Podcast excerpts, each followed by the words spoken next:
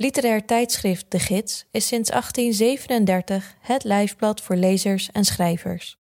En vanaf nu ook voor luisteraars.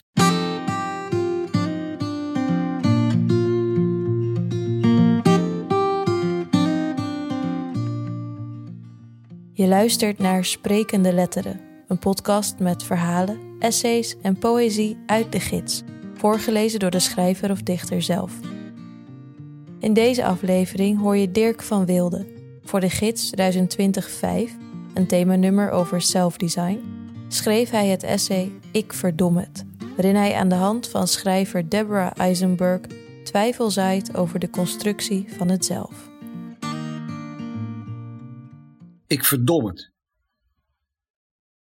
Toen duidelijk werd dat het oktobernummer van de gids zou worden samengesteld rond het thema self-design, de cultuur van zelfhulpprogramma's en de praktijk om ons leven en identiteit planmatig vorm te geven, moest ik meteen aan Deborah Eisenberg denken. En dat is niet omdat deze Amerikaanse schrijfster, die inmiddels 75 jaar oud is, een zelfhulpprogramma aanprijst of over het verschijnsel prikkelende beschouwingen heeft gepubliceerd, maar doordat ik kort daarvoor een paar interviews met haar had gelezen waarin ze vertelde over haar jeugd en adolescentie. En vooral over de periode waarin ze begonnen was met schrijven. Nou ja, toen ze 19 was, ontsnapte ze uit een kostschool, ergens diep in de bossen van Vermont, waar haar wanhopige ouders haar hadden ondergebracht. En ze lifte vervolgens met een jonge man kriskras door de Verenigde Staten. Na dat jaar van rondzwerven eindigde ze in een kraakpand in een achterbuurt van Boston. En toen die man uit beeld verdween, wilde Eisenberg niets liever dan naar New York. Een paar jaar later, in 68, waagde ze die sprong en verhuisde. Naast een baantje als serveerster volgde ze colleges op The New School. Dat was een alternatieve universiteit net opgezet met beroemde docenten, maar, heel belangrijk, zonder toelatingsexamen. Het was, zoals ze erover vertelt, een chaotisch en armoedig bestaan. En ook al was ze miserabel en eenzaam, ze leefde in de stellige overtuiging dat dit precies was wat ze wilde. New York was de ideale stad om, zoals ze zelf zei, anoniem te kunnen leven. En nooit te hoeven denken, nou, ik had beter ergens anders kunnen zijn. Naar eigen zeggen was ze vastbesloten om niets te worden niets van zichzelf of haar leven te maken en vooral niets te presteren. Ze wist echt niet wat ze wilde en dat wilde ze ook helemaal niet weten. Misschien was hooguit duidelijk dat ze geen kinderen wilde. In dat interview zegt ze: Omdat ik van kinderen niks begrijp en mij mijn jeugd gelukkig slecht herinner. En ja, ze was pislink, ze was woedend op de hele wereld. Kijk, dat leek me nou een goed startpunt als je het over zelfhulp gaat hebben. Niet naar de zelfhulpprogramma's kijken of de theorieën die daarachter zitten, maar naar de omstandigheden van degene die de potentiële klant is.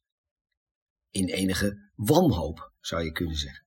Mensen die in de put zitten en met argwaan naar die beloftes van de zelfontwerpers luisteren. Dat soort mensen, wat zijn die op het spoor? Ze staan oog in oog met de ontreddering, de angst die het leven oproept. En toch antwoorden ze met de resolute en botte weigering van iedere vorm van georganiseerde en geprogrammeerde ontwikkeling. Eisenbergs opstelling als jongvolwassene was die van zoveel ongelukkige, getraumatiseerde, depressieve en gefrustreerde jonge mensen keihard de hakken in het zand zetten en weerstand bieden tegen alles, tegen iedere eis of norm, juist als die verpakt is in de vorm van zorg, therapie, vermaak, ondersteuning.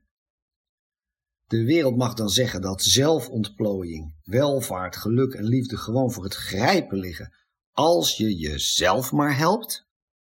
Maar Eisenberg en heel veel mensen met haar, die zeiden: Bekijk het maar. Ik verdom het. Krijg de kleren. Waarom zo boos? Waarom zou een jong mens nee zeggen tegen kennis, geluk, erkenning, ondersteuning, hulp? In dat interview in de Paris Review weet Deborah Eisenberg het haarfijn te beschrijven. De waarden die verbonden waren met het leven van een aangepast, gewaardeerd en gelukkig lid van de ontwikkelde Joodse middenklasse waartoe zij behoorde, maakten haar misselijk, zwak en miserabel. Haar waarde als individu werd namelijk volledig vereenzelvigd met de mate waarin ze zich aanpaste, waarin ze presteerde en diploma's zou halen. Het gevolg? Een verlammende angst, totale verwarring, recalcitrante woede.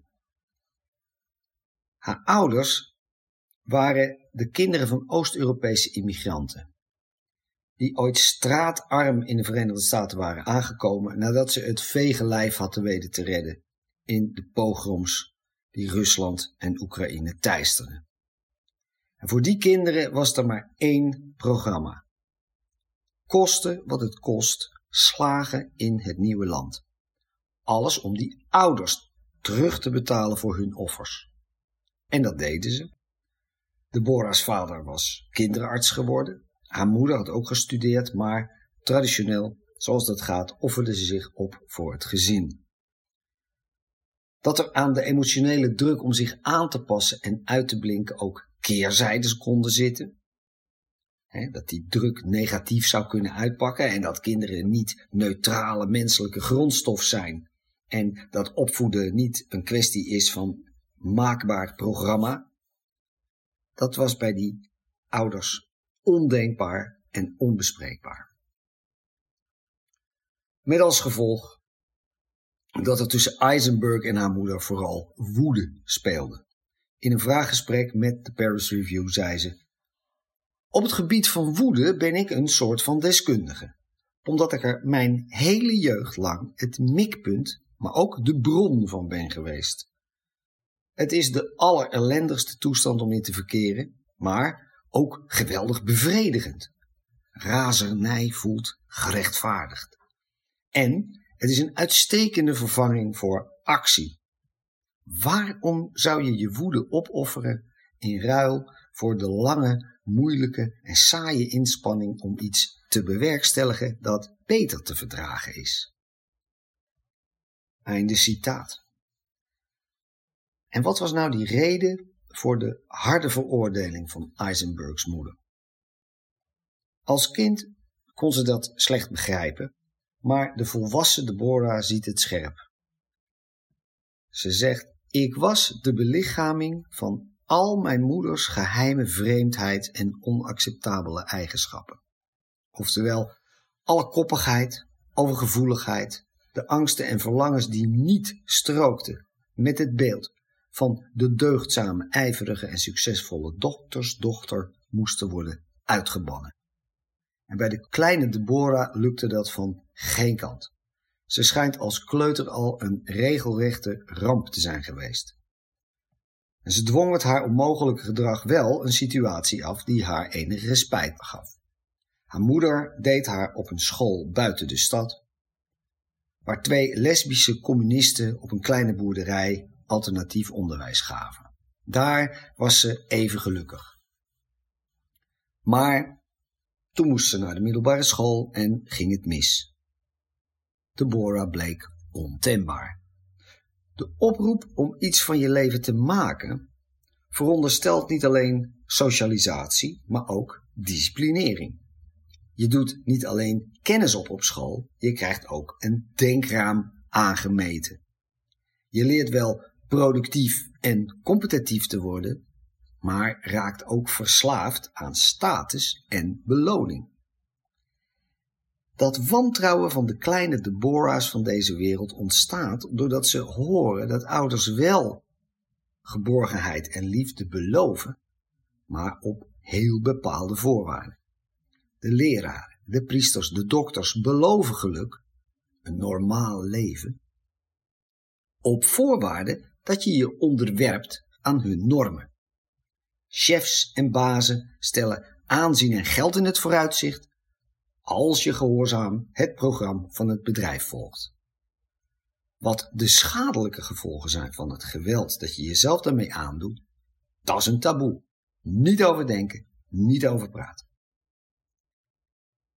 In de stemmen van de goeroes, de therapeuten, de zelfhulpcoaches en consultants, zijn dezelfde beloftes en even dwingende normen te horen.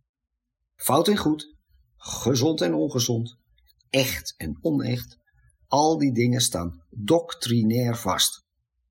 En jij dient jezelf dienovereenkomstig te herprogrammeren.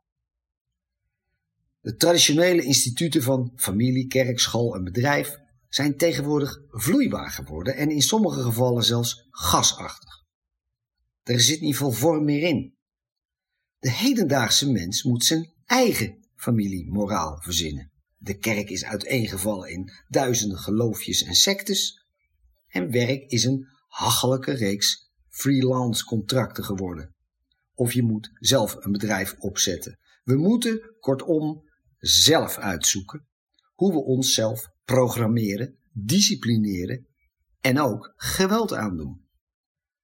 Het is geen wonder dat er zoveel mensen afgebrand thuis zitten. Het gaat allemaal over stilstand en beweging. Kijk, het geval Eisenberg, of haar ontstaansmythe als schrijver zoals ze die in vraaggesprekken ontvouwt, is zo boeiend, omdat ze in een paar zinnen het complexe proces schetst dat volgt op het onhoudbaar worden van die weigering te presteren en te ontwikkelen. Want woede is in haar ogen aanvankelijk wel bevredigend, omdat het dat gevoel van gerechtvaardigde verontwaardiging geeft. En het afzien van alle opbouwende handelingen, die geven haar een aantrekkelijke emotionele macht over haar omgeving, haar moeder vooral, omdat het de anderen ontregelt en machteloos maakt. Maar het is ook een verlammende en trieste vorm van stilstand. En dat werd haar duidelijk vanaf het moment dat ze een relatie kreeg met Wallace Shawn. De meest onwaarschijnlijke soulmate die er voor haar bestond. Hij woonde, toen ze elkaar ontmoetten, nog bij zijn moeder. Een brave student economie en klassieke talen, voorbestemd om diplomaat te worden, een telg uit een gefortuneerde Joodse familie die meedraaide in het culturele leven van Manhattan. Al snel vormden zij samen een parallel universum, een tweemanschap tegen de wereld. Een bubbel waarin ze elkaar ingrijpend veranderden. Hij nam afstand van het carrièrepad dat zijn ouders aan Wall Street of in de diplomatieke dienst voor hem hadden uitgestippeld. En hij besloot vervolgens acteur te worden, toneelstukken te gaan schrijven. En zij gaf eindelijk toe dat ze vastzat. Haar woede ontdooide. Dankzij de intimiteit met Wally ontdekte ze emotionele en geestelijke processen die ze daarvoor nooit voor mogelijk had gehouden, zoals ze dat zelf zei. In de Paris Review zegt ze: Ik was ongeveer dertig en het zag er naar uit dat ik zonder enige reden op aarde was gezet. Ik had nooit willen weten wat ik zou doen en ik wist het ook werkelijk niet, maar nu was ik echt heel wanhopig. Einde citaat. De toestand waarin ze verkeerde leidde niet tot de omarming van de een of andere analyse van wat haar authentieke en eigen kwaliteiten zouden zijn. En ze ontwierp zich niet aan een therapie of een zelfhulpprogramma. Haar instinctieve beslissing was om zichzelf te ontregelen, om het statische beeld van de breekbare jonge vrouw, die alsmaar zit te kijken en te roken, te praten, te oordelen, te vragen, te denken, helemaal niets doet om dat open te breken, dat beeld. Ze stopte met roken. De ontreddering was compleet. Eisenberg beschrijft het als een rouwproces, dat een jaar duurde, waarin ze afscheid moest nemen van de persoon die ze had omgebracht door te stoppen met roken.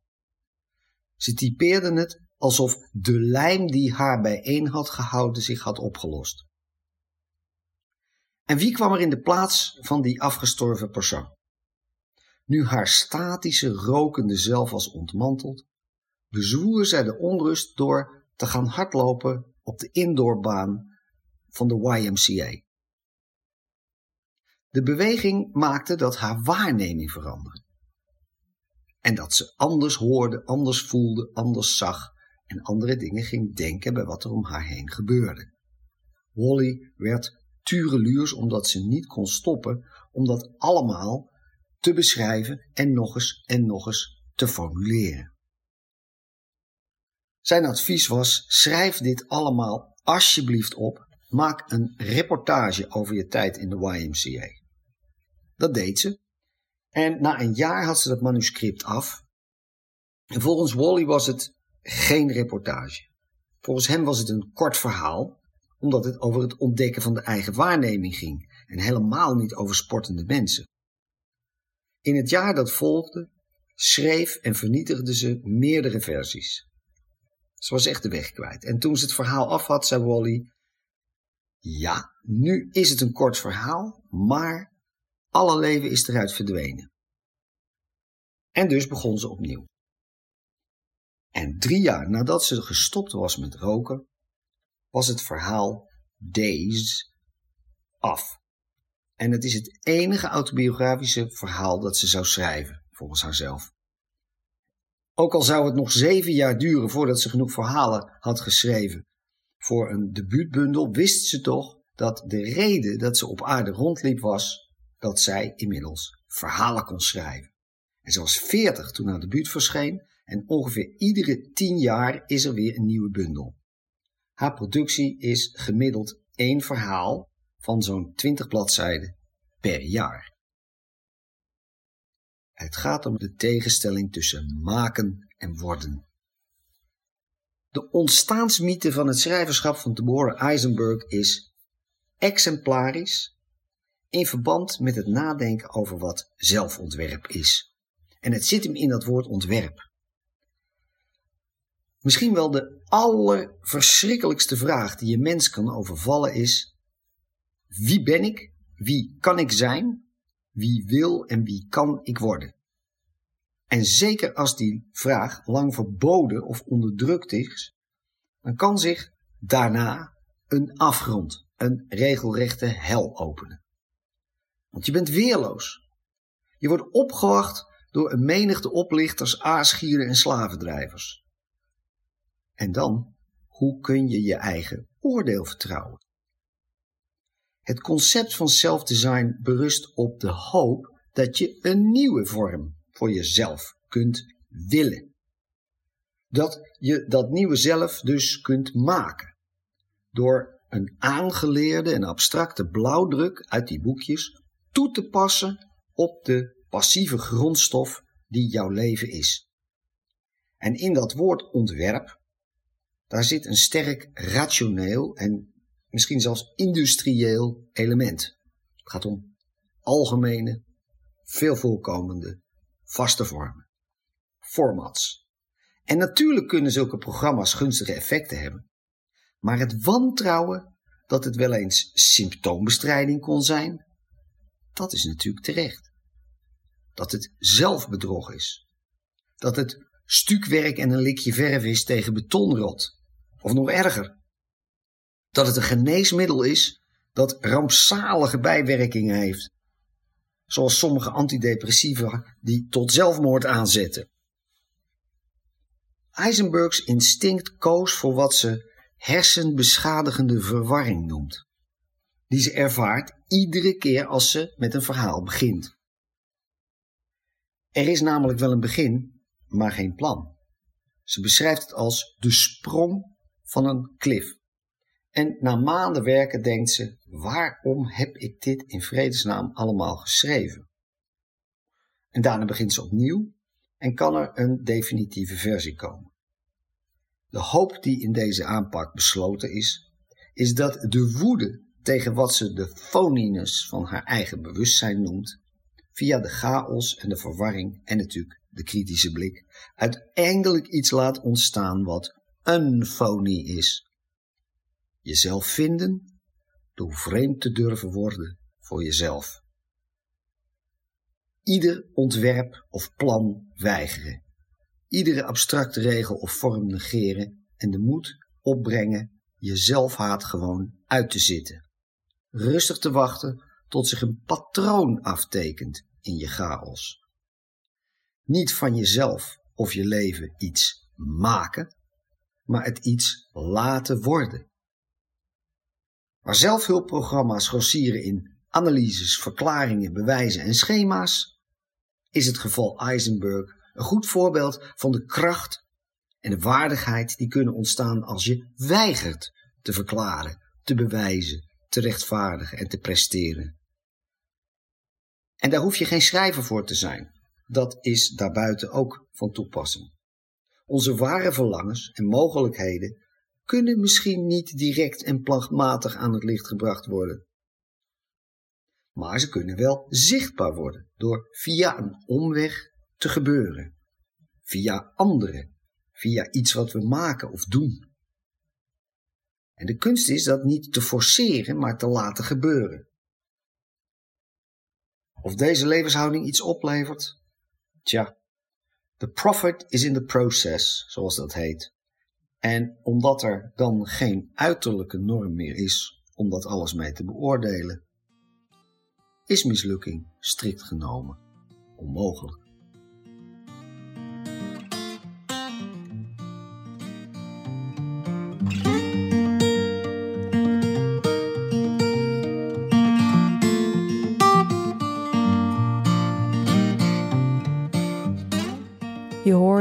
Ik verdom het, een essay van Dirk van Wilde. Dirk van Wilde is schrijver en redacteur van De Gids. Hij debuteerde in 1987 samen met Martin Bril met Arbeidsvitamine en daarna in 1989 solo met Tegenwoordigheid van Geest. Hij schreef romans, novellen en bundels met essays en verhalen. Op dit moment werkt hij aan een nieuwe roman. Wil je dit essay lezen? Dat kan. Alle bijdragen die je in sprekende letteren hoort zijn terug te vinden op onze website www.de-gids.nl. Wat je ook kunt doen op die website is een abonnement nemen op de gids. Vanaf 20 euro per jaar ben je al abonnee en steun je de Nederlandstalige letteren.